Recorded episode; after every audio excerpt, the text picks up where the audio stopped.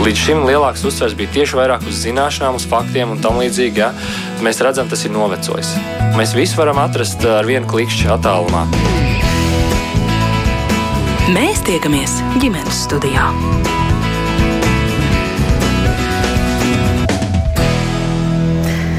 Labdien, redzējums ģimenes studija sāk savu skanējumu. Jūs sveicināta producents Armīta Kolāta, mans vārds ir Agnes Linka. Aizvien biežāk dzirdam, jā, ka izglītības iestādēs notiek policijas reidi, tostarp ar suņiem, lai meklētu un izņemtu aizliegtas vielas. Um, aizvien biežāk arī runājam par to, ka skolu labierīcībās skolēni uh, veipo, par ko šeit jau vairāk kārtīgi esam diskutējuši. Savukārt uh, mediķi pirms kāda mēneša aktualizēja tādu uztraucošu, viņuprāt, Eiropā vērojamu tendenci elektroniskajās cigaretēs pildīt jaunu veidu uh, sintētiskās narkotikas. Tikmēr Speciālisti teica, nekādi aizliegumi nav īsti iedarbīgi. Aizliegto vielu problēmu skolās ir jārisina ar um, cēloņu neseku apkarošanu. Kāda tad būtu tā efektīvā rīcība, ko darīt izglītības iestādēm, kāda vispār ir situācija skolās un kas par to būtu jāzina un jāsaprot vecākiem. Par to mēģināsim tikt skaidrībā šai sarunā, un tās dalībnieka būs vietnes uzvedība LV vadītāja Līga Bērziņa. Labdien! Labdien! Arī pusauģu psihoterapijas centra vadītājs Nils Saks Konstantīnovs šodien ir mums ģimenes studijā. Dien. Labdien! Un uh, trīs bērnu mamma sagadīšanās pēc ar izglītības pētniece Kristīne Liepiņa šodien. Jā, labdien! Kā arī telefoniski mums pievienojas valsts policijas prevencijas vadības nodaļas priekšnieks Andris Rinkevits. Sveicināti, dzirdat mūsu! Labdien, Virdu! Jā, ļoti jauki. Kā vienmēr arī jūs klausītāji esat aicināti pievienoties šai sarunai. Jums rodas kas sakāms, droši jautājumi, viedokļi, komentāri, pieredzes. Rakstiet ģimenes studijā no Latvijas radio mājaslapas. Ievadam gribu pastāstīt, ka gatavojoties šai sarunai, arī lasīju un pārlasīju dažne dažādus mēdīju materiālus un uh, atradu kādu 2020. gada ziņu, tātad trīs gadus senu ziņu par to, ka e-cigarešu izplatīšana mazgadīgajiem ir pamatīgs un nekontrolējams tīkls Latvijā, un tur ir minēts, ka tiek aktīvi domāts par izmaiņām eh, normatīvajos aktos, kas varētu ierobežot tādu brīvu vielu iegādi, meklē arī citus risinājumus. Nu, šim rakstam gandrīz tātad trīs gadi. Ja es eh, lūgtu jūs tā varbūt iesākumā īsi un kodolīgi ieskicēt šodien, kāda jūsu skatījumā, redzējumā ir tā problēma, cik tā liela, cik tā būtiska, ja pirms trīs gadiem pamatīgs un nekontrolējams tīkls. Līga? Liela, protams, liela. Un šis, te mēs arī redzam tādu ļoti spilgtu jauniešu vienaudžu ietekmi, vienaudžu spiedienu, ja, jo tāpēc, ka tajā brīdī, tad, kad kāds no klases līderiem sāk veipot, tad visiem pārējiem ir jābūt stilīgiem un viņiem ir jāsako līdzi. Un arī atgriežoties atpakaļ tieši pie šīm pašām skolu toaletēm un, un smēķēšanu dažādās slepenās vietās, tā skumjā lieta ir tāda, ka ļoti bieži mēs skolā redzam to, ka jaunieši smēķēt, arī lietot alkoholu, arī veipot uzsāk barā bet tajā pašā laikā nu, jau ir tas posms, kad uh, viņi arī lien pa kaktiem un nu, jau veipo vieni paši, ja, kas arī var arī signalizē par to, ka tas vairs nav stāsts par to, kā būt stilīgiem, tas jau ir stāsts reāli par atkarībām. Uh mhm. -huh. Un kurā brīdī tas pārslēgums notiek? O, nu tas ir noteikti katram, katram, katram individuāli. Tā nav iespējams. Patiesībā tam ir, jā, patiesībā tam ir, tam ir gandrīz vienalga, kurā brīdī tas notiek. Jā, jo tāpēc, ka mēs arī strādājot skolās, redzam ļoti daudz stilīgus jauniešus, kas saka, ka nu, man nav atkarība, es varu atmest jebkurā brīdī, tad, kad es gribu. Bet, eh, protams, ka mēs arī zinām, ka tā realitāte ir savādāka. Mm -hmm. Nel, kā jūs raksturotu, cik būtiska problēma vispār atkarības vielas skolās?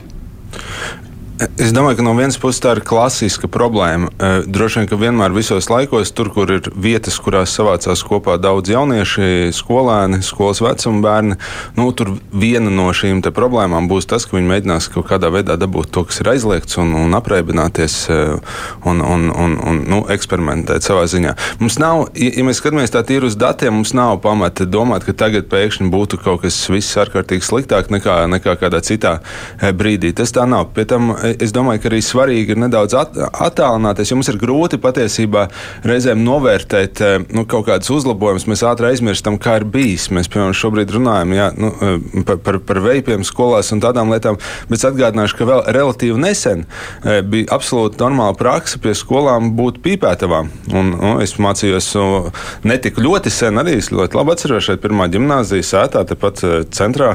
Mēs visi gājām pīpēt starp brīdī, neviens neko neteica, tā bija normāla lieta. Mūsu 10, 20 gadus vēlāk tas vairs nav vispār iedomājama tāda situācija. Un mēs zinām pēc datiem, ka, teiksim, ja mēs skatāmies uz smēķēšanu, uz tabakas smēķēšanu, kas ir absolūtais, viens no tiem absolūtiem ļaunumiem, ko mēs ļoti gribam e, samazināt, tā ir samazinājusies jauniešu vidū. Nu, respektīvi, jaunieši smēķē mazāk mm. nekā viņi smēķēja pirms tam. Tā, tā ir realitāte, tas ir reāls fakts. E, no otras puses, tas, kas gan ir, nu, ir, ir, protams, ir mainījušās lietas, ir mainījušās, viens ir mainījušās vielas, kuras jaunieši patērē, un otrs ir mainījušies veidi, kā viņi viņus dabūna. Eh, pirms šiem pašiem desmit gadiem eh, nebija pieejamas tādas telefona aplikācijas, kas katram tīnam kabatā un kurā viņš jebkurā dienas laikā var nu, principā, iegādāties jebko, ko uh, var, vēlēties. Nu, mēs saskaramies ar kaut kādām jauna veida situācijām, bet kā, kopumā es domāju, ka tā pamata pro problemātika tā, tā ir e, viena tā pati. Do, ir, ir lietas, kur mēs redzam kaut kādas uzlabojumus, ir lietas, kur mēs nu, saskaramies ar jaunām problēmām, mums jādomā, kā viņas risināt. Bet īstenībā tas, uz ko man šķiet, ka patiesībā ir vērts skatīties, ne, ne ļoti šauri uz to, vai pusauģi tieši kaut ko lieto, vai viņi smēķē, vai viņi ko dara, bet kā viņi vispār jūtās un cik labi jūtās viņi tad, kad viņi pieaug. Un tur gan mēs redzam reāls problēmas. Mēs zinām, ka Latvijā ar šo ir e, diezgan slikti mūsu pieaugušie e, cilvēki gan jūtas slikti, depresīvi, gan izdara daudz vairāk pašnāvību nekā citi un dzīvo par aptuveni eh, desmit gadiem īsāku laiku nekā cilvēki pārsimts attālākās valstīs. Nu, es domāju, ka mums drīzāk ir jāstāsta to tādā drusku plašākā mm -hmm. mērogā, nevis šauri specifiski uh, par, par pīpēšanu. Bet šodien tomēr par skolām. Kristīna, jūs kā māma tas satrauc, nesatrauc aizliegtās vielas? Pilnīgi noteikti, ka satrauc.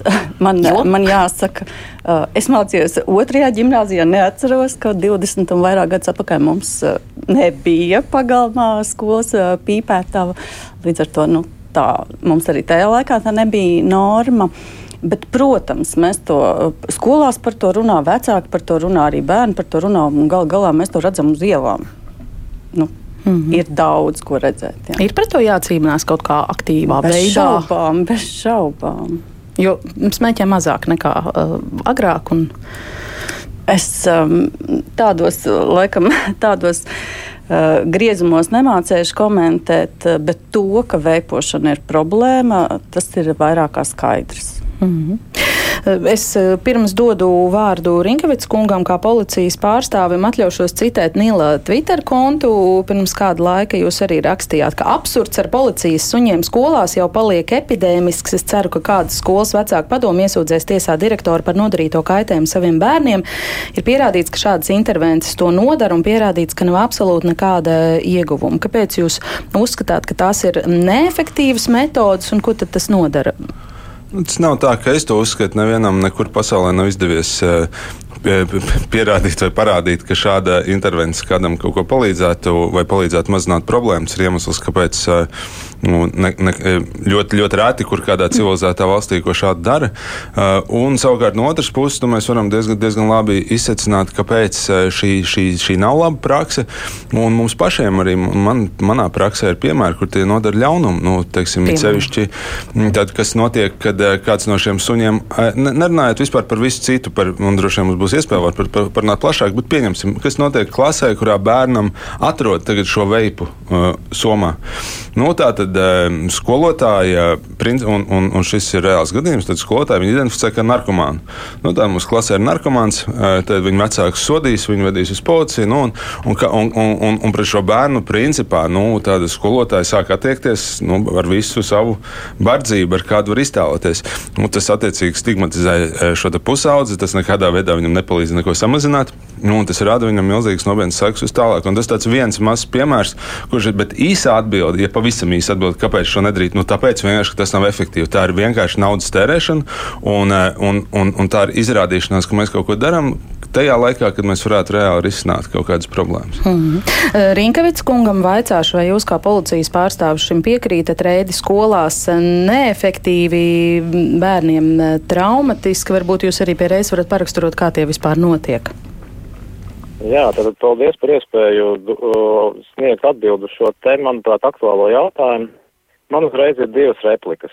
Viens ir, ja mēs paskatāmies uz uh, mēķēšanu, tā skaitā arī citu, teiksim, atkarības vielu lietošanu jauniešu vidū, uh, tad uh, dažādi pētījumi, tā skaitā gan, gan uh, globālā mērogā, gan arī Latvijas uh, SPKC, ko ir veikuši, mēs droši vien teikt, ka aptuveni 20-25% jaunieši ir tie, kuri regulāri lieto, teiksim, tabakas uh, izstrādājumus vai tam pie, pielīdzināms produktus.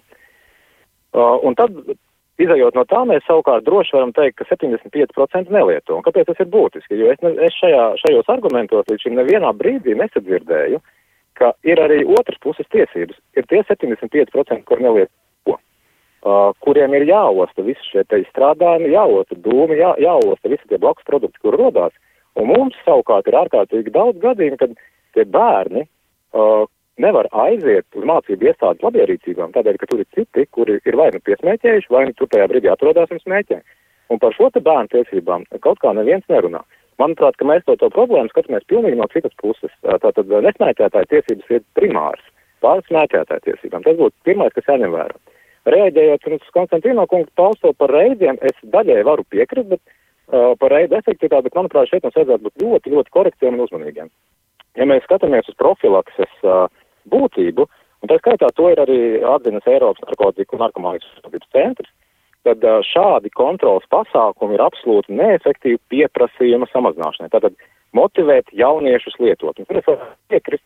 Uh, un tam dēļ ir, ir, ir, lai šo te pieprasījumu mazinātu, tiešām ir tādas ļoti apjomīgas un sarežģītas profilaks programmas jāizstrādā, kas, kas starp citu arī uh, tabaks izstrādājuma likums šobrīd paredz. Tātad, kad uh, Veselības un zinātnes ministrijai ir jāizstrādā šie te profilaks programmas smēķēšanas ierobežošanai. Tā kā to arī vajadzētu atcerēties. Bet, ja mēs runājam par reidiem, tad reidu nozīme mērķis nekad nav bijis ietekmēt pieprasījumu, ko, kura kontekstā tas ir neefektīvi. Reida mērķis ir nepieļaut pieejamību. Tātad, ka šī vide ir, ir, un ja mēs skatāmies no profilakses virzieniem, tad viens no profilakses virzieniem ir šis vides profilakse. Un tas ir panākt to, lai noteiktās, noteiktā vide dažādas atkarības vielas nav pieejams, jo bērnu tiesība aizsardzības likumā skaidri gaiši ir noteikts, ka uh, bērna pakļaušana kaitīgiem faktoriem, tā skaitā tabakas dūmiem vai nosmēķēšanas dūmiem, uh, tā ir faktiski fiziska vardarbība pret bērnu. Līdz ar to, uh, manuprāt, uh, tas, ko mēs vismaz sev uzsveram un kā mēs paši šo te funkciju skatāmies, uh, iešana uz mācību iestādi reidot nav pašmērķis. Tas tiešām nav mums pašmērķis, un ja mēs varētu nedarīt, mēs patiesībā būtu laimīgi. Bet uh, es saprotu, ka šobrīd lielā daļā gadījumu skolas ir tādos ķilnieku, tādā ķilnieku situācijā, ka viņi vairs nezina, ko darīt, jo šī te profilakses otra puse, pieprasījuma samazināšanas profilakses puse, bija gan un to nesasniedz. Līdz ar to, lai profilaks vispār būtu efektīva, viņai būtu jābūt daudzpusīgai. Ja mēs spējam efektīvi samazināt pieprasījumu, tad visticamāk šie kontrols pasākumi viņi varētu būt mazāk. Bet tur tiešām jānošķir mērķis, jo uzraudzības un kontrolas pasākumu mērķis nekad nav bijis ietekmēt pieprasījumu, tad motivēt vai nemotivēt jaunietu lietot. Mhm. -huh. Šo ko atbildēsiet, piebildīsiet? ļoti labi. Ja tāds mērķis ir samazināt pieejamību, tad droši vien būtu interesanti uzzināt, kā policija veicās ar šo pieejamības samazināšanu. Tad jau it kā vajadzētu būt samazinātai pieejamībai. Mēs zinām, ka, protams, tam nav, nu, narkotikas un, un veipi ir absolūti brīvi pieejami skolās, tā kā reiz ir problēma. Nu, tas ir ļoti acīm redzams, ka šis nestrādā. Bet uh, vēl vien pavisam īsi tomēr ir uh, būtiski uh, nošķirt un, un nelikt visas lietas vienā. Mēs runājam par smēķēšanu, mēs runājam par veipošanu. Tās ir fundamentāli divas dažādas lietas. Eh, tas ir dažādas lietas pēc, pēc visiem parametriem un ar, ar dažādu kaitīgumu. To noteikti nevajadzētu mest vienā. Un trešais, es domāju, ka tas, ka pieaugušie jūtas bezspēcīgi, tas nav labs attaisnojums sākt izmantot kaut kādas no, tādas brutālas, vardarbīgas metodas. Tas līdzīgi kā teikt, ziniet, man mājās bērns neklaus, es sāku justies bezspēcīgs, tāpēc viņš sāk sist ar koku.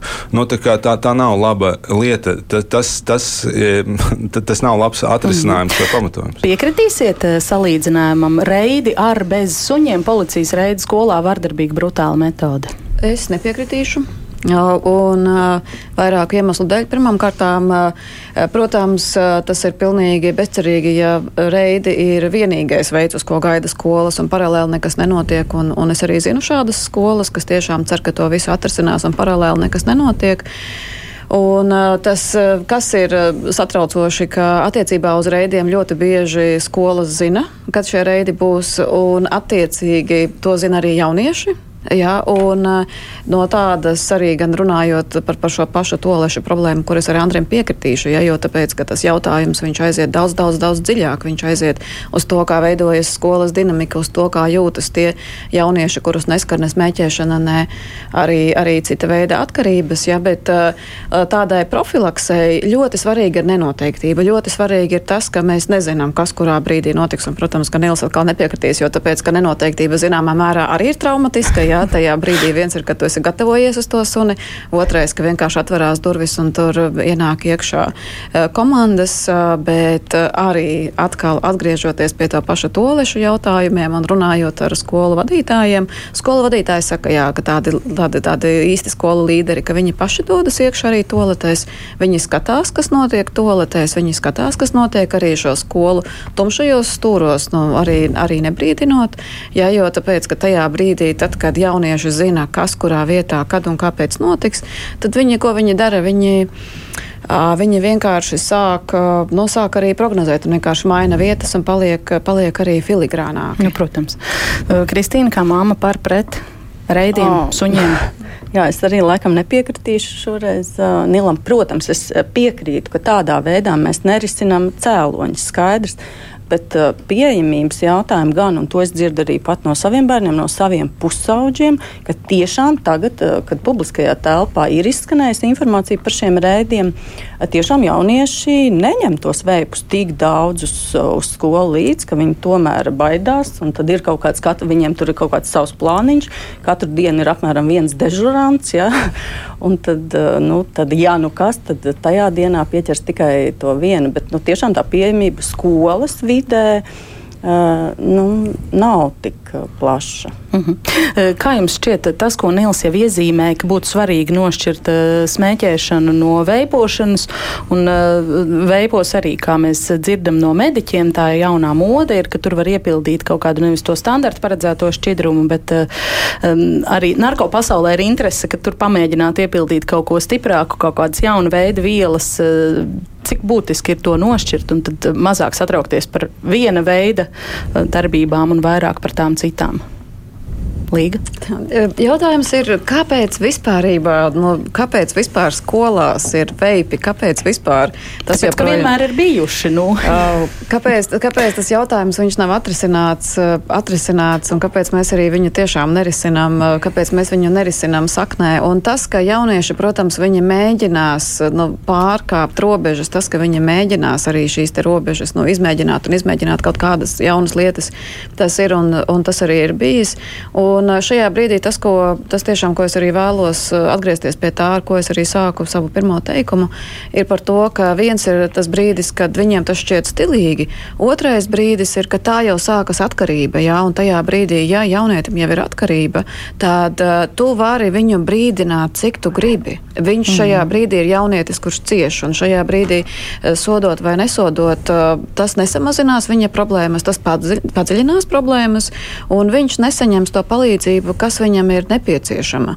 Un, un tad tas, kas notiek, jo uh, efektīvāk, efektīvāk, jo dramatiskāk, drastiskāk mēs ejam virsū ar sodiem, jo filigrānākas metodas viņi nu, izvēlās, lai arī izvairītos un arī šo te, zināmā mērā šo savu atkarību pat nostiprinātu un reizēm kā identitātes daļa, jo nu, man ir arī tādi skaisti piemēri ar skolām par to. Jā. Nu, protams, ka ir ļoti svarīgi nošķirt, tāpēc, ka ir milzīga atšķirība, vai jūs smēķējat tabaku, vai jūs uh, veipojat, uh, un, uh, vai jūs nedarat neko.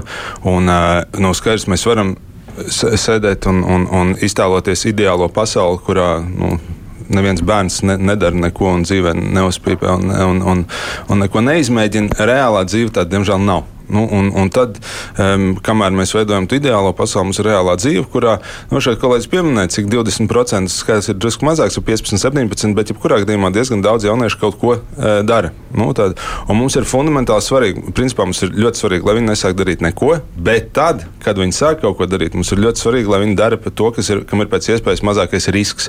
Nu, un tur tie, tie riski kārtojās piramīdas principā. Ja jaunietis sāk smēķēt cigaretes, tabaku, Tas ir absolūti liels, milzīgs, fundamentāls risks. Mēs kategoriski to negribam. Mazāks risks, protams, ir, ja viņš, ja viņš, ja viņš veipo. Tad jūs pieminējāt par narkotiku vielu saistību ar veipiem. Nu, tas arī nav gluži korekti, jo veipos nav narkotiku vielu. Ražotāji neveido veips ar, ar narkotikām vielām. Tas, narko, tas ir tāpat kā nu, narkotikās vielas mēs varam ielikt arī, piemēram, nezinu, abolā vai, vai apelsīnā. Jā, jā nu, bet veipos tas notiek biežāk. Tas ir tas, nu, par ko saka mēs, mūsu mēs nezinām, mediķi šobrīd. Biežāk. Tas med, mediķi, tā, tā, tā nav gluži korekta informācija. Tas nenotiek biežāk. Tas, kas notiek, ir tas, ka valstī tiek iepludināti nelegāli ražotas dažādas lietas, tostarp nelegāli ražot veipi, kas ir, nu, kuros, protams, mēs nezinām, kas ir viņos iekšā, tāpēc, ka viņi ir nelegāli. Un tas ir tas, kur jaunieši nu, viņus arī iegādājās. Mm. Un šobrīd ar valsts eh, šiem te, uh, likumiem, ar, ar, ar, ar grozījumiem, protams, ka mēs, eh, ka, kāpēc vispār mēs par to satraucāmies un sākām runāt? Nu, tāpēc, ka tas provocē to, ka aizvien vairāk ienāks nelegāli, nelegāli ražotie tieši tā saucamie nelegālie veipi, kuros gan mēs tiešām nezinām, vai tur ir žurkinde vai, vai, vai, vai kādas citas vielas. Bet es jau pavisam īsi arī gribētu piebilst, Rinsen, kā mēs par sākam runāt par šo tēmu. Mēs sākam runāt par skolām tādā griezumā, tas sāk atgādināt, kā mēs patiesībā runājam par cietumiem. Mēs runājam par reidu, ka tur vajag e, neparedzamību viņiem, tad jūs kā mamma uzskatāt to kā pozitīvu lietu, ka tur veidojās dežuranti un tādi dīleri un es tur ir kaut kādas schēmas. nu, tā kā, tā, tā, nu, mums, es domāju, tas ir fundamentāls jautājums, kā mēs vispār redzam, kas ir skola. Vai tā ir institūcija, kur mēs nu, vadām līdzīgi kā vairāk, kas līdzinās cietumam, vai tā ir institūcija, kas vairāk tomēr līdzinās no kaut kādai draudzīgai mājas vidē. Mm -hmm. Es eh, citēšu 3. februāru Latvijas televīzijas panorāmu, lai būtu skaidrs, par ko es runāju. Tur ir eh, teikts, ka narkologi brīdina pēdējā laikā vairāk pārdozēšanas nāves gadījumu saistīti ar jaunām sintētiskām narkotikām, kam viens no izplatīšanas lietošanas veidiem ir elektronisko cigarešu šķidrumi. Un, ja Eiropā šādi gadījumi ir, būs aizvien biežāk arī Latvijā. Biežāk šie savienojumi šķidrumi nāk no Ķīnas, tie ir jākontrolē, bet mūsu jaunieši jūtas droši savā vidē, un viņi mums saka, to brīvi var iegādāties, brīvi pasūtīt. Tā ir citāta Rīgas psihiatrijas tā... narkoloģijas centra narkoloģiskās palīdzības dienesta vadītāja Astrid. Latvijā mums ir neadekvāta šī uh, informācija. Tas būtu līdzīgi kā teikt, ka uh, cilvēki inicējuši narkotiskās vielas ar špricēm, un tāpēc mums šprices vajadzētu aizliegt. Nu, Jā, bet ja skolēni sāktu staigāt ar špricēm pa skolu toaletēm, mēs droši vien arī par to satrauktos, pat tad, ja tās būtu vitamīni, kas tur tiek špricēti tajā brīdī. Nu, analoģiski, ne? Kāpēc viņi tā darītu? Nu, tāpēc, ka viņi tā kā veipo, un tur arī bet tajā veipā var ieliet to pašu. Nu. Saprotiet, tā dzīve nestrādā. Nu, nav, tas nav tā, ka špricis un veips ir viens un tas pats. Tas, ka jauniešiem ne, interesē ar, veipi, tas nenozīmē, ka viņiem piemēr. interesē špricis. Nu, kā, nu, mums nevajag visu tā jaukt tik vienkārši kopā, un šī, šī nebija bet, korekta analoģija. Problēma jau ir tajā, nu, kur tad tie nepilngadīgie loģiski, ka viņi izmanto to nu, nelikumīgo ceļu un to tirgu tā jau ir tā problēma. Absolūti, protams, un, un, un Jā, nu, tāpēc jau arī visi uztraucās par to, un tajos veipos ir, lūk, ir pierādījumi. Lai visi paspētu iet izteikties, mums jāiet drusku uz priekšu. Arī mēs atģidām, ka būtu derīgi arī kādam skolas pārstāvim pavaicāt, kāda ir reālā situācija. Un diezgan atklāti to paraksturo ģimenes studijai piekrit Mārupas valsts ģimnāzijas direktors Jānis Lagstkalns. Paklausīsimies viņa teiktajā par aizliegto vielu klātbūtni šajā vienā no lielākajām pierīgas skolām, kur mācās ap 1400 audzēkņu. Jā, mēs jūtam, ka šīs lietas ir. Gaitiņos tas īpaši nav, bet sajūtot šīs smaržas, mēs saprotam, ka tas notiek. Tās ir tolets, reizēm ir šī zelēmā taba, kas izdevuma vajag, un viņš jau mierīgi runāt ar direktoru par saviem nākotnes sapņiem un ķert kaifu no kaut kāda šitā te suragāta, ja tā drīkst teikt. Runājam, Policists staigā pa skolu pašvaldības, kas mums ir piestiprinātais. Ne tāpēc, ka būtu šitie ļaunie paradumi, bet vienkārši pēc zināmas kārtības vai ne. Protams, tur, kur viņš ir, nekas nenotiek. Bieži vien skolotāji fiksē, tad runā, ķeram, nu cik nu ķeram nu, viņiem nekas pie rokas nav. Mums skoloties piekārtie griezti, kuros arī šīs lietas mēs paši izņemam. Katru gadu pareizi esam suņus izsaukuši, izņemot Covid laiku, kas it kā, nu, tai publikai varbūt liek saprast, ka šo tēmu mēs jūtam, tā mūs uztrauc, un mēs to savā veidā cīnāmies un aktualizējam, kas varbūt uz brīdi viņiem liek kļūt piesardzīgākiem, mazāk lietot. Nu, tāpat kā varbūt radar reizēm uz ceļa parādās, un tad tu tur piebremzē tomēr un kaut ko ievēro. Jo tā runāšana vienkārši, nu, man liekas, ļoti maz dod, kamēr to nesaprot līdz kaulam paskatu, neesi saskāries ar zināmām problēmām? Protams, tad, kad mēs esam sajutuši kaut kādas galīgi neadekvātas rīcības, mēs esam sākuši arī ātrā palīdzību, lai mediķi konstatē, nu, kāpēc tā tās asas zīlīs vai vēl kas. Tas nav daudz. Protams, ja atrod vai jūt šīs lietas, ir eh, saruna ar pašvaldības policistu, ir saruna ar vecākiem, un arī pēc šī pasākuma, kas mums bija ar šiem suņiem, nu, laikam nepilns mēnesis būs pagājis. Divi skolēni, kur iet uz administratīvo komisiju, komisiju, man liekas, cik brīvi viņi tomēr to visu var nopirkt, tur, kur viņi paņem no vecākiem vai no vecākiem brāļiem, vecākiem nezinot, kas arī paši lieto, kam tur trīs, četri šitie jaunie, jaunie pīpi mājās ir, tad, nu, paņem un turpat nepamanā brīžiem. Tas tas bēdīgs stāsts, brīžiem tā ir bezspēcība, ja tā drīkst teikt. Tu nevari katram klāt izstāvēt, un tu nevari pie rokas pieķert. Runāšana ir laba lieta, bet um, efektivitāte no viņas pašreiz ir samērā, samērā neliela. Policists regulāri tās vietas arī pārbaudēs tos podiem. Nu, vienkārši nu, šīs mantas ir tur stāv, viņas tiek paņemtas, atnāk klients, lai to darītu. Viņa vairāk tur nav. Var teikt, ka policists, kā saka, atrodas toaletē, kādā no kabīnēm, no attiecīgi apavu jānomaina, lai apakš neredzētu. Un tad, ja viņš esot tajā kabīnē jūt, ka blakus kaut kas notiek, nu, tad viņš var ātri lekt kājās un reaģēt. Nu, samet, līdz tādam absurdam mēs arī esam aizgājuši. Ja? Nu, tu nevari pārbaudīt arī viņu privātu īpašumu. Šī gadījumā visiem līdz iekšā somās bez pamata. Viena vecāka saka, dariet to, mēs atļaujam. Otra daļa vecāku ar kādām tiesībām, un, un cilvēku tiesības un vispārējais.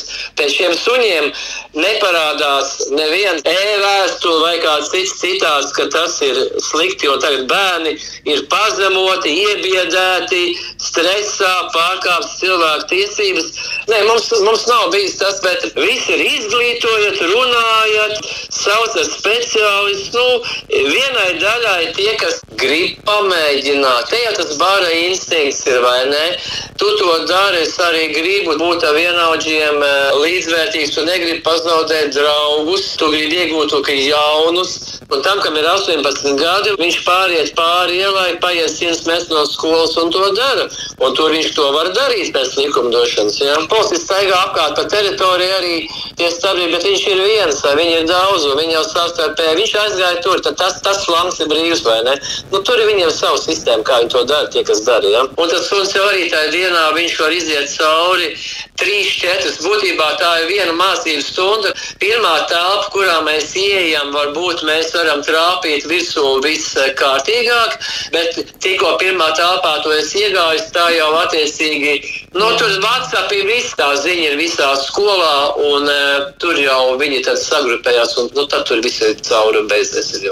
Tas, kas slikti mācās un kam tur nelabvēlīga ģimene, tam nu noteikti jābūt būt veipam. Nu, nebūt, nē, nu, nav šādu. Tajā mūsu pēdējā gadījumā nu, man ir prātā neienāca, kad e, šiem skolēniem varētu būt šie veipi. Nu, pat prātā neienāca. Ja. Tas ir tajā posmā vairāk 5, 9. Nu, tālāk jau arī vidusskolas posms, bet nu, izteiktāk tajā posmā, kas ir 7, 8, kur parādās pašapliecināšanās draugu vidas atrašanu. Nu, te nevar teikt, ka tikai tie, kas varbūt ir sociāli riska ģimenes vai mācību problēmām, ka tiem tas ir. Tā nevar novilkt to līniju.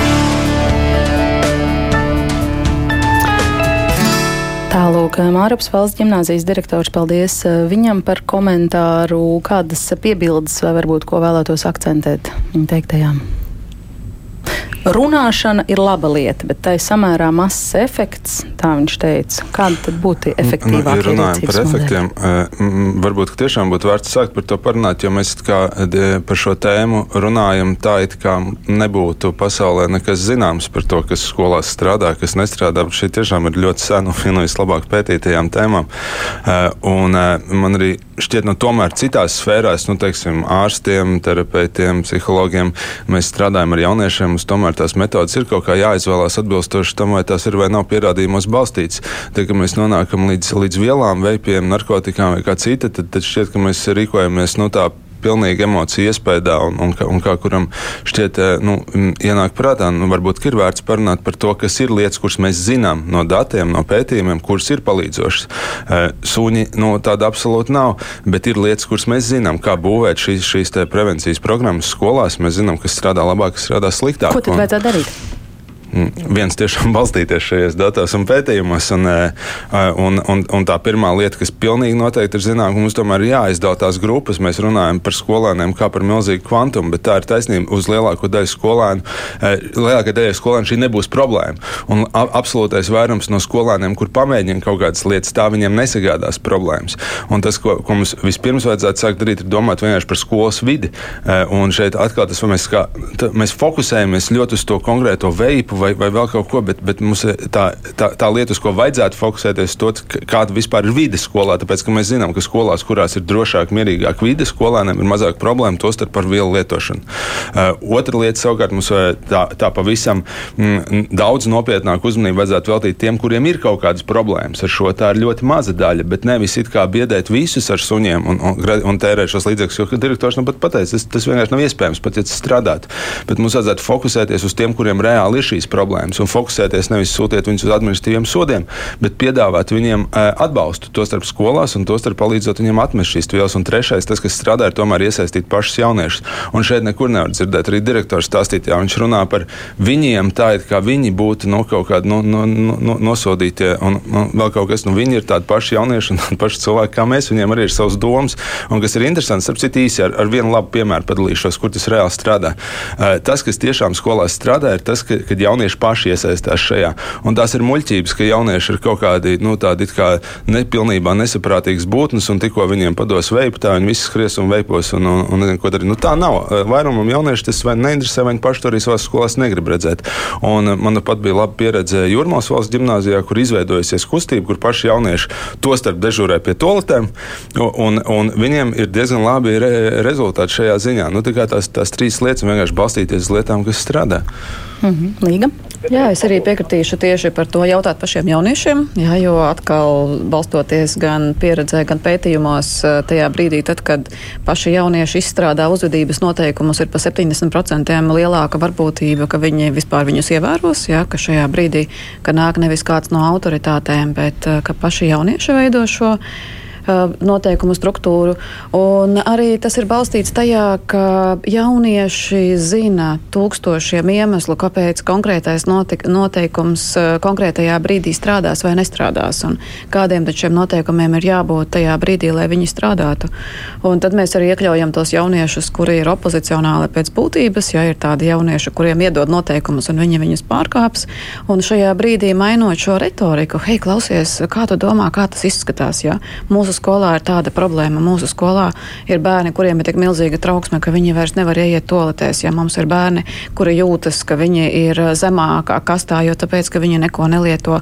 Un, un viņi var vienkārši tā justies. Tas jau nenozīmē, ka, ka tā tas notiek, bet viņi vienkārši tā tiek pozicionēti. Un kā tu redzi, kā mēs varētu risināt šo jautājumu? Ja? Un tajā brīdī arī pedagogiem būs un arī vispār skolai nu, vajadzētu palikt vieglāk, jā, jo tāpēc, ka uh, nereti, ja uh, mēs uh, tiešām ejam visu laiku uz sodīšanu, visu laiku ejam uz kontroli, tad, uh, tad mēs jau zinām, ka jauniešiem vienmēr ir vairāk enerģijas un vairāk laika nekā pieaugušajiem, jā, un, un, un nepareizi sodot uh, vienu uh, bērnu ar uzvedības problēmām, mēs varam iegūt veselu klasi ar uzvedības problēmām, kas kaut mm -hmm. kādus jautājumus darīs vienkārši mm -hmm. par spīti spīti. Jā, Rikavits kungam arī grib dot vārdu. Viņš mm. ilgāku laiku ir pacietīgi klausījies. Lūk, piedāvājums no speciālistiem. Tad, kad jums vēršas skolas un aicina jūs ar eh, suņiem reidā, jūs viņiem varētu ieteikt, ka tomēr ir efektīvāks metodas.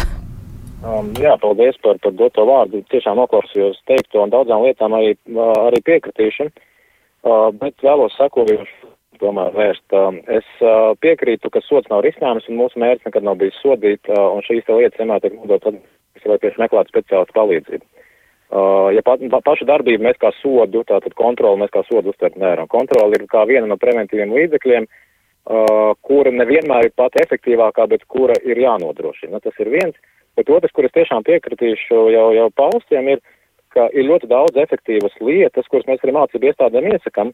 Lai tā nebūtu tā, tāda uh, tukša runāšana, tad uh, patiesībā, ja mēs uz Eiropas narkotika narkomānijas uzraudzības centra vadlīnijām vai labo, labo prakšu metodikas, viņi faktiski izdala vairākus tādus darba virzienus, kur mācību iestādēm būtu jāstrādā atkarības um, pieejami, atkarības uh, vielu pieprasījumu samazināšanai. Uh, viens ir ieviešot um, dažādu tādas, nu, sistēmiskas ilgtermiņa uh, prevencijas programmas. Tas faktiski ir tas, ko jūs minējāt, tur vienaudžu spiedienu samazināšana, dažādu prasmi attīstīšanai, nu, faktiski tādu to mikroklimata veidošanai. Tas tiešām ir primāri un ārkārtīgi svarīgi. Tomēr viena no rekomendācijām, ko pati uh, narkotiku un narkomājas uzraudzības centra, centrs ir noteicis, ir, uh, ka atkarības vielu lietošanas nepieļaušana mācību iestādē ir ļoti, ļoti, ļoti svarīga. Uh, Tas nozīmē, ka mūsu gadījumā policijas reiti ir vienkārši viena no metodēm, kā šo smēķēšanu vai lietošanu mācību iestādē nepieļaut. Ja to var izdarīt citiem līdzekļiem, kā dzirdēju, kaut vai jaunieši paši to dara, tad jau arī šis mērķis tiek sasniegts, bet mēs nevaram atstāt visu tikai uz tādām uh, uh, sociālās prevencijas programmu uh, pleciem, nodrošina arī tas, ka uh, šajās mācību iestādēs lietošana netiek pieļaut. Un tad jau jautājums ir par metodu, kā mēs to darām. Bet uh, tas, kas man uh, tiešām uh, klausoties, um, tā teikt, ko es sadzirdēju, man tas dara mazliet bažīgu. Uh, es uh, laikam neesmu kompetents runāt par to, cik uh, lielā mērā tabakas dūmi no, no, no, no bezdūmu produkta atšķirās tā kaitīguma uh, kontekstā. Bet, manuprāt, ir ārkārtīgi bīstami viņus šādā veidā gradēt. Uh, jo tas, ko mēs izdarām, mēs uh, neviļus radām sajūtu, ka viens produkts ir labs un otrs ir slikti. Jo tas, ko mēs no savas prakses redzam, tie gan par laimi nav tādi daudzskaitlīgi gadījumi, ka tajos gadījumos, ka bērnam tiek vai nu vējs vai kāds cits produkts izņemts ārā, tiek izsaukti vecāki, nu netiek iesaistīta policija, bet ja, ja, ja, ja skola izsauc vecākus, vecākam atdod šo te produktu, tad tā paša skolotāja vai direktora klātbūtnē vecāku šo te mantu nodod savam nepilngadīgam bērnam. Uh, acīm redzot, neizprotot pat, cik īstenībā šis te produkts ir kaitīgs, jo ne jau par velti gan tabakas izstrādājuma aprits likums, gan arī bērnu tiesību aizsardzības likums pasargā bērnu, tā skaitā no bezdien tabakas izstrādājumiem.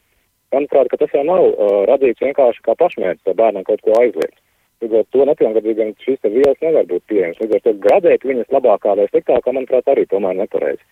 Nu, tāds, laikam, Tas, ko es šeit dzirdu, ir būtībā liekas, mūsu sarunas atšķeļas tādos kā divos virzienos vai divos atzaros. Viens ir ilgtermiņa prevencijas programmas, kurām būtu ļoti svarīgi pievērst uzmanību, bet otrs, par ko runāja arī nu, pat policijas pārstāvis, nu, ka ir jārisina arī kaut kā tās akūtās situācijas šeit un tagad. Arī klausītāji mums raksta, Iveta, piemēram, saka, problēma bija, ir un būs, piekrīt un domāju, ka labāk, lai ir oficiāla pīpētava pie skolas, nekā slēpšanās.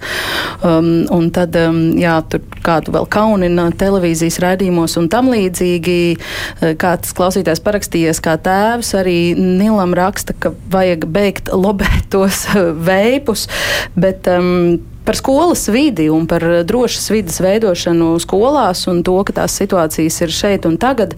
Mm, akūts liecina arī tas, ka kā jau mēs dzirdējām, toaletes daudzās mācību iestādēs ir kļuvušas par, tām, par tiem epicentriem, nevairs pīpētavas pagalmā vai uz ielas. Un eh, dažas skolas šobrīd jau ir ieviesušas tādu noteikumu, ka, lai eh, ietu uz labierīcībām stundu laikā, ja tu vēlies izmantot toaleti mācību stundu laikā, tev jāpierakstās uh, klases priekšā uz skolotājas galda īpašā kladē vai žurnālā par to, kā tas ietekmē viņas bērnus ģimenes studijai. Pastāstīja kādu divu meitu māmu, paklausīsimies viņas teiktajām.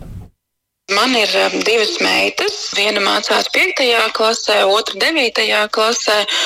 Un Tā kādu laiku atpakaļ saņēmu gan e-klasē, gan arī e-pastā ziņu no skolas, ka skola ir nolēmusi risināt jautājumu par to, ka notiek smēķēšana toaletēs un dažādi nekārtības, ka tiks ieviesti klasēs klades, kurās tad skolēns, ja viņš iziet ārā no stundas, tad pierakstās, tiek fiksēts uh, laiks, kurā viņš iziet un kad viņš atgriežas. Saprot, ka skolēni iet ārā no stundām un vai nu tur smēķē vai tusē toaletēs un skola netiek ar to galā. Kādu laiku iepriekš tika runāts par to, ka būs šīs dežūras, staigāšanas gan pa koridoriem, gan pa toaletēm.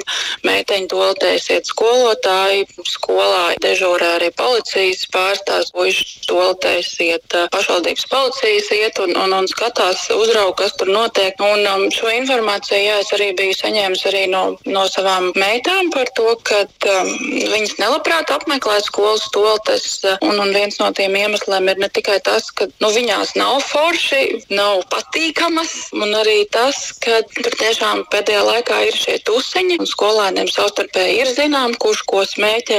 Šobrīd ir tās toaletes tā vieta, kur nav jāiet ārā no skolas. To var izdarīt jebkurā brīdī toaletē, un, un, un tā smēķēšanas notiek tur. Protams, skolēni var iekārtot uh, toalešu apmešanas darbbrīdī, ja vien tajā brīdī neveidojās rindas, ka visi tagad dodas darbbrīdī bet jāpierakstās, lai aizietu uz toleti. Tas nu, nav patīkami nevienam mums pieaugušajiem, tas nebūtu patīkami, un tāpat arī skolēniem. Man liekas, tiem, kuriem tas patiešām ir vajadzīgs, tas, tas ir pazemojoši iet klases priekšā un pierakstīties pie skolotājas galda, lai izietu uz toleti. Vecākā meita ciešās, viņai, man liekas, organisms izstrādājis to savu aizturi tādu, ka viņa ciešās, un um, jaunākā meitai nākot mājās no skolas. Viņa nebija vēlējusies iet skolā uz toleti. Līdz mājām mums ir divi kilometri. Diemžēl pa ceļam viņa netika līdz mājām. Tā, tāda situācija ir mums bijusi. Tas, ko es arī rakstīju klases audzinātājai, ka no vienas puses es saprotu, ka šis ir jārisina, man tajā brīdī arī nav citu labāku risinājumu, kā to risināt. Bija tur pieteikumi, ka var vecāki pieteikties, steigāt un dežūrēt, bet, protams, vecāki strādā. Es nezinu, cik ļoti šī ideja aizgāja un cik daudz tur bija vecāki, kas varēja atļauties uh, skolā veikt dežūras un steigāt. Uh, man liekas, ka jēdzīgākais jau būtu meklēt to cēloni, nevis cīnīties skolā ar sekām. Nu, aizliegums kā tāds šīm elektroniskajām cigaretēm. Nu, viņas nedrīkstētu arī būt pat pieejamas skolēniem, bet viņas ir. Tātad nu, kaut kas nav īsti kārtībā, kad tas tiek risināts skolā ar sekām, un tie nav iebildumi pret skolu. Tie ir iebildumi pret sistēmu, kāda šobrīd ir izveidojusies, kad ir bezatbildīgi pārdevēji veikalos par to, ka mūsu likumdošana ir tāda, ka šīs elektroniskās cigaretes ir pieejamas. Par šo bezspēcību man ir pretenzijas. Saistībā ne tikai ar, ar elektroniskajām cigaretēm, bet arī ar visām šīm aizliegto vielu lietošanām, kas ir skolā.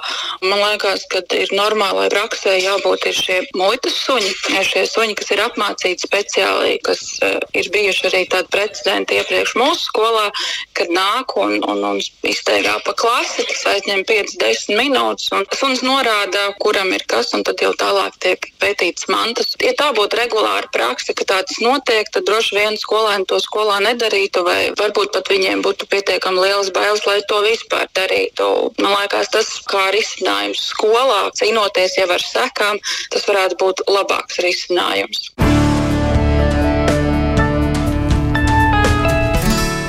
Tāds lūk, vēl viens mammas eh, viedoklis, nu, kā viņa saka, nav diži daudz citu variantu, kā problēmu risināt. Un arī šī frāze atkal jācīnās ar cēloņiem, nevis uh, sekām, kas ir vēl viena tāda bieži uh, lietot frāze. Tad varbūt atlikušajās minūtēs par to, nu, kā tad, kā tad tas būtu jādara. Nu jā, mēs jau arī runājām decembrī tieši par šo, ka faktiski uh, atkarību dēļ tagad cieš jaunākie, cieš uh, šis te trauslākais posms, jā, un, un tā ir tāda atkal pārprasti noteikumi, kad uh, šajā brīdī mēs vienkārši lejot ūdeni, izlejam ārā viņu ar visu bērnu, un faktiski, kas notiek, tiešām cieš šie te trauslākie bērni, kuriem ir, kuriem ir milzīga sociālā trauksme, kuriem jau tā ir ļoti grūti paust arī savas vajadzības. Un, un faktiski viņiem ir kaut kāds iemesls, kāpēc viņi ir tieši tādi, ne savādāki. Un, un, un mēs nevaram arī prasīt, lai viņi, viņi sāktu arī sevi aizstāvēt. Jā, ka faktiski sabiedrībai ir jābūt izveidotai tā, ka tiešām mēs arī spējam parūpēties par, par, par šiem trauslākajiem sabiedrības locekļiem. Un šeit es tiešām ļoti, ļoti vērstos pie, pie pedagogiem par to, ka, jā, ka, kā mēs arī šodien runājām, ka vissvarīgākais ir tieši vide, jā, jo drošāka vide, jo vairāk katrs eh, jaunietis būs pieņemts, jo mazāk viņam būs vēlēšanās meklēt šo pieņemšanu un, un stilīgumu un kāpināt savu sociālo statusu uh, nu, kaut kādā neveselīgā veidā, kas nodara pāri gan viņam pašam īstermiņā un ilgtermiņā, gan arī nodara pāri visai klasei. Jā, un patiešām atcerēties to, ka jaunieši ir gudrāki nekā mums eh, viņi šķiet, un deleģējot uh, zināmā mērā gan uh, resursus šo jautājumu risināšanai, gan arī laiku un arī tiešām ieklausoties viņa, viņos ar respektu, mēs varam uh, atklāt tādas atbildes un, un atrast tādus risinājumus, pa kuriem mēs nemaz sākotnēji nevarējām iedomāties. Mhm. Nu, bet šai skolai konkrēti jūs ieteiktu nevis to klases žurnālu uz toleti ejamo katrā klasē priekšā uz skolotājas galda, bet Tad eh, šajā gadījumā ir tas, ko mēs iesakām parasti jauniešiem, ir, eh, ka, ja tev ir jāiet uz toleti, ļoti labs brīdis iet uz toleti ir tajā brīdī, tā kā atskan zvans uz stundu, jo kamēr tas pedagogs ienāk stundā tajās pusotrā, divās, trijās minūtēs, tiešām arī tās ir ļoti, ļoti vērtīgas minūtes, tās ir visdrošākās minūtes, un tas ir tas, ko arī paši jaunieši saka. Viņi ja iesaka, tur veipotāji vēl nebūs aiztusējuši. O, viņi parasti aiztusē ļoti viņi parasti aiztusē ļoti ātri, tas ir tāda, nedodiet iešana pret, pret straumi, un nākamais man būs būtu, es tiešām ļoti gribētu dzirdēt šīs pedagoga un arī skolas vārdus un uzvārdus, un, un, un tomēr uh, parasti noteikumi tiek modelēti tā, ka mēs nevis izdomājam to, kas ienāk prātā, bet mēs arī pārbaudam, vai gadījumā šis noteikums, kurš tiek izstrādāts, nenodara daudz lielāku ļaunumu un arī milzīgu veselības ietekmi uz tādām grupām, kurām vispār ar šo konkrēto problēmu nav nekāda sakara. Mm -hmm. Mil? Jā, es uh, sadzirdēju arī mammas uh, stāstījumā, te, ka, ka gribās panākt tās bailes, lai bērni baidītos un to nedarītu. Vispār bailes ir sliktākais gan padomdevējs, gan, gan bērnu audzināšanas droši vien. Tas vienkārši nestrādā. Tas ja, nebūs bailes efektīvi. apčurāties arī ir nu, bailes. Nu, gal, galā, nu, arī tas, ka bērns apčurājas vai tas, ka viņš ir iebiedēts, nu, tā, tā tiešām nu, droši vien viss piekritīsiet, nav labākā skolas mm. vide. Un uh, tas tā mūsu pieeja, kā mēs arī mūsu valstī pieejam ar šo mužīgo biedēšanu, bailēm, suņiem, tur to visu ierobežot ierobežot, aizliegt. Eh, es dzirdēju arī no policijas priekšnieka, nu, stāstīt, ne, nestāstīt patiesu informāciju bērniem, melot viņiem, stāstīt, ka viss ir vienlīdz kaitīgs, briesmīgs. Nu, tas vienkārši nestrādā. Ja tas strādātu, mūsu valstī nebūtu problēma. Tāpēc, ka mūsu valsts ir viena no, mums ir viena no visstingrākajiem likumiem, mums ir viena no visbargākajiem sodiem, un mums ir eh, nu, diezgan plaša pieredze ar šo visu, bet mēs redzam, ka tas ne tikai nestrādā, tas dodas vissliktākos rezultātus. Jo mūsu valstī arī ir eh, mūsu jaunieši sme, lieto vielas un aprēķinās nu, daudz vairāk nekā jaunieši citās vietās. Nu, varbūt šeit ir tas brīdis padomāt un apstāties, ka varbūt tas, ko mēs darām, tas nav īsti tomēr pareizi, tas nav īsti efektīvi. Nu, nomainīt vispār visu šo skatu no tā, ka mēs ejam un skatāmies uz to kā uz kaut kādu nelegālu kriminālu aktivitāti, kas jauniešiem, protams, tikai rada interesi par to lielāku, un tas viņam piešķir tādu, nu, tas ir diezgan stilīgi, protams, būt tādam cilvēkam, kur policists nāk meklēt ar suņiem uz, uz skolu, bet pavērst to par to, kas tas ir. Tā ir veselības problēma, tā ir viena no lielām mentālās veselības grūtībām. Ja tu skolā veipo, eh, tas nav nekas stilīgs, nozīmē, ka tur ir problēmas. Bet, eh, bet skolām vajadzētu prasīt, kas ir tas, kā, kā, kā skola palīdz eh, atrisināt problēmas mm -hmm. tiem mhm. jauniešiem, kuriem tās ir. Un es domāju, tas, ko mēs varam darīt, ir pavis, dažas pavisam vienkāršas lietas skolā, kaut vai trīs. Viens, ko jūs darat, lai ir droša vide, otrs, kā, kā tiek iesaistīti paši jaunieši šajā savas vidas organizēšanā, un trešais, kas ir tas, kādu atbalstu saņem tie, kuriem ir, ir, ir radušās problēmas. Mm -hmm. un, un tā pavisam, pavisam lielā lieta, kāpēc mēs vispār par to uztraucamies. Tāpēc, ka ir daži neliela grupiņa jauniešu, kuriem šis būs ļoti smagi, un tas var sagādāt liels problēmas, tā, ka viņi paaugās lielāki. Bet mums, mēs daudz par to runājam, bet mūsu valstī pat nav nevienas vietas, mums nav nevienas programmas jauniešiem ar šādu veidu grūtībām vai kādu atkarīgu mm. uzvedību. Nu, kā, es domāju, ir, ir ļoti konkrētas lietas, ko mēs varam darīt, bet mums ir drusku jāapmaina skats, kā mēs vispār uz to skatāmies. Vienīgi pašā redzējuma sākumā jūs teicāt, ka šobrīd smēķē un lieto vielas mazāk, ka nav tik slikti. Tātad kaut kas no tā, ko uh, prevencijā darām, tomēr strādā. Rinkavits kungs, jūsu noslēdzošais komentārs. Jā, tas, ko es vēlētos, laikam, noslēdzošā komentē akcentēt, mēs tiešām šeit daudz runājam par izglītības sistēmu, tas tagad par iekšlietu resoru un tā lomu un, un radītiem efektiem vai defektiem. Bet man prasītos, lai īstenībā šajā sarunā vadošo lomu uzņemtos kāds veselības lomas pārstāvis, jo tas ir tas, kuras var piekrist, kas mums pietrūks. Mēs runājam par kontrolas instrumentiem, uh, runājam par, par, par, citiem, par citiem ietekmēšanas mehānismiem, bet tās profilaks programmas, kas būs veselības jomā viņa tiešām pietrūkst. Nu, skolēni gan saka, arī esmu dzirdējuši, it īpaši šajā pieminētajā šaubīgākajā vecumā nesūtiet mums tos narkologus. Viņi ir garlaicīgi. Mēs jau desmitreiz to visu esam dzirdējuši. Tā gan arī Jā, ir. Šeit, šeit runa noteikti nav, nav par lekcijām, tur es varētu piekrist. Ne, visi jaunieši, nu, viņi nav dumi, tiešām viņi ļoti gudri bērni. Viņi zina, kad smēķēt nedrīkst, viņi zina, cik tas ir kaitīgi vai nav kaitīgi. Tas, ko mēs nedrīkstam no savas puses darīt, mēs nedrīkstam papildus. Tas bija, tā bija tā mana bāža runājot par gan par tabakas dūmēm, gan pat bez tabakas izstrādājuma mēs tiešām nedrīkstam lobēt nevienu, nosakt, pasakot, ka tas ir mazāk kaitīgs. Uh, katram ir savs kaitīguma efekts un, un, un, un defekts, līdz ar to tādā, tādā kontekstā mēs par nepilngadīgiem runāt, manuprāt, nedrīkstam. Bet no, bet no mūsu puses tiešām aicinātu mācību iestādes uh, iespēju robežās veidot to mikroklimatu tādu, lai tie bērni tur labi jūtās, un mūsu pieaugušos es aicinātu tomēr skatīties, lai tie bērni, kuri, kuri nelieto neko, lai viņiem nebūtu jāiet, ejot mājās, pēc ceļam jāapčurājas. Un, manuprāt, tas, tas būtu tas, par ko mums ir jārunā. Ne, ne tik daudz par to, kādu emocionālo traumu vai emo, emocionālu nelabsajūtu mēs nodaram uh, ierodoties mācību iestādēm. Manuprāt, tas, tas būtu tomēr otršķirīgi. Lai gan tas neatcer, protams, atbildību, kad jebkura darbība, tā skatā, kurš policijas reids mācību iestādēm, viņam tiešām ir jābūt saudzīgam, jo tie ir bērni, tie nav nekādi cietumnieki. Protams, tas ir tas, ir tas kas mums arī jāapzinās, tā skaitā iekšpēt resorā. Un, Kristīna, tad mammai pēdējais vārds.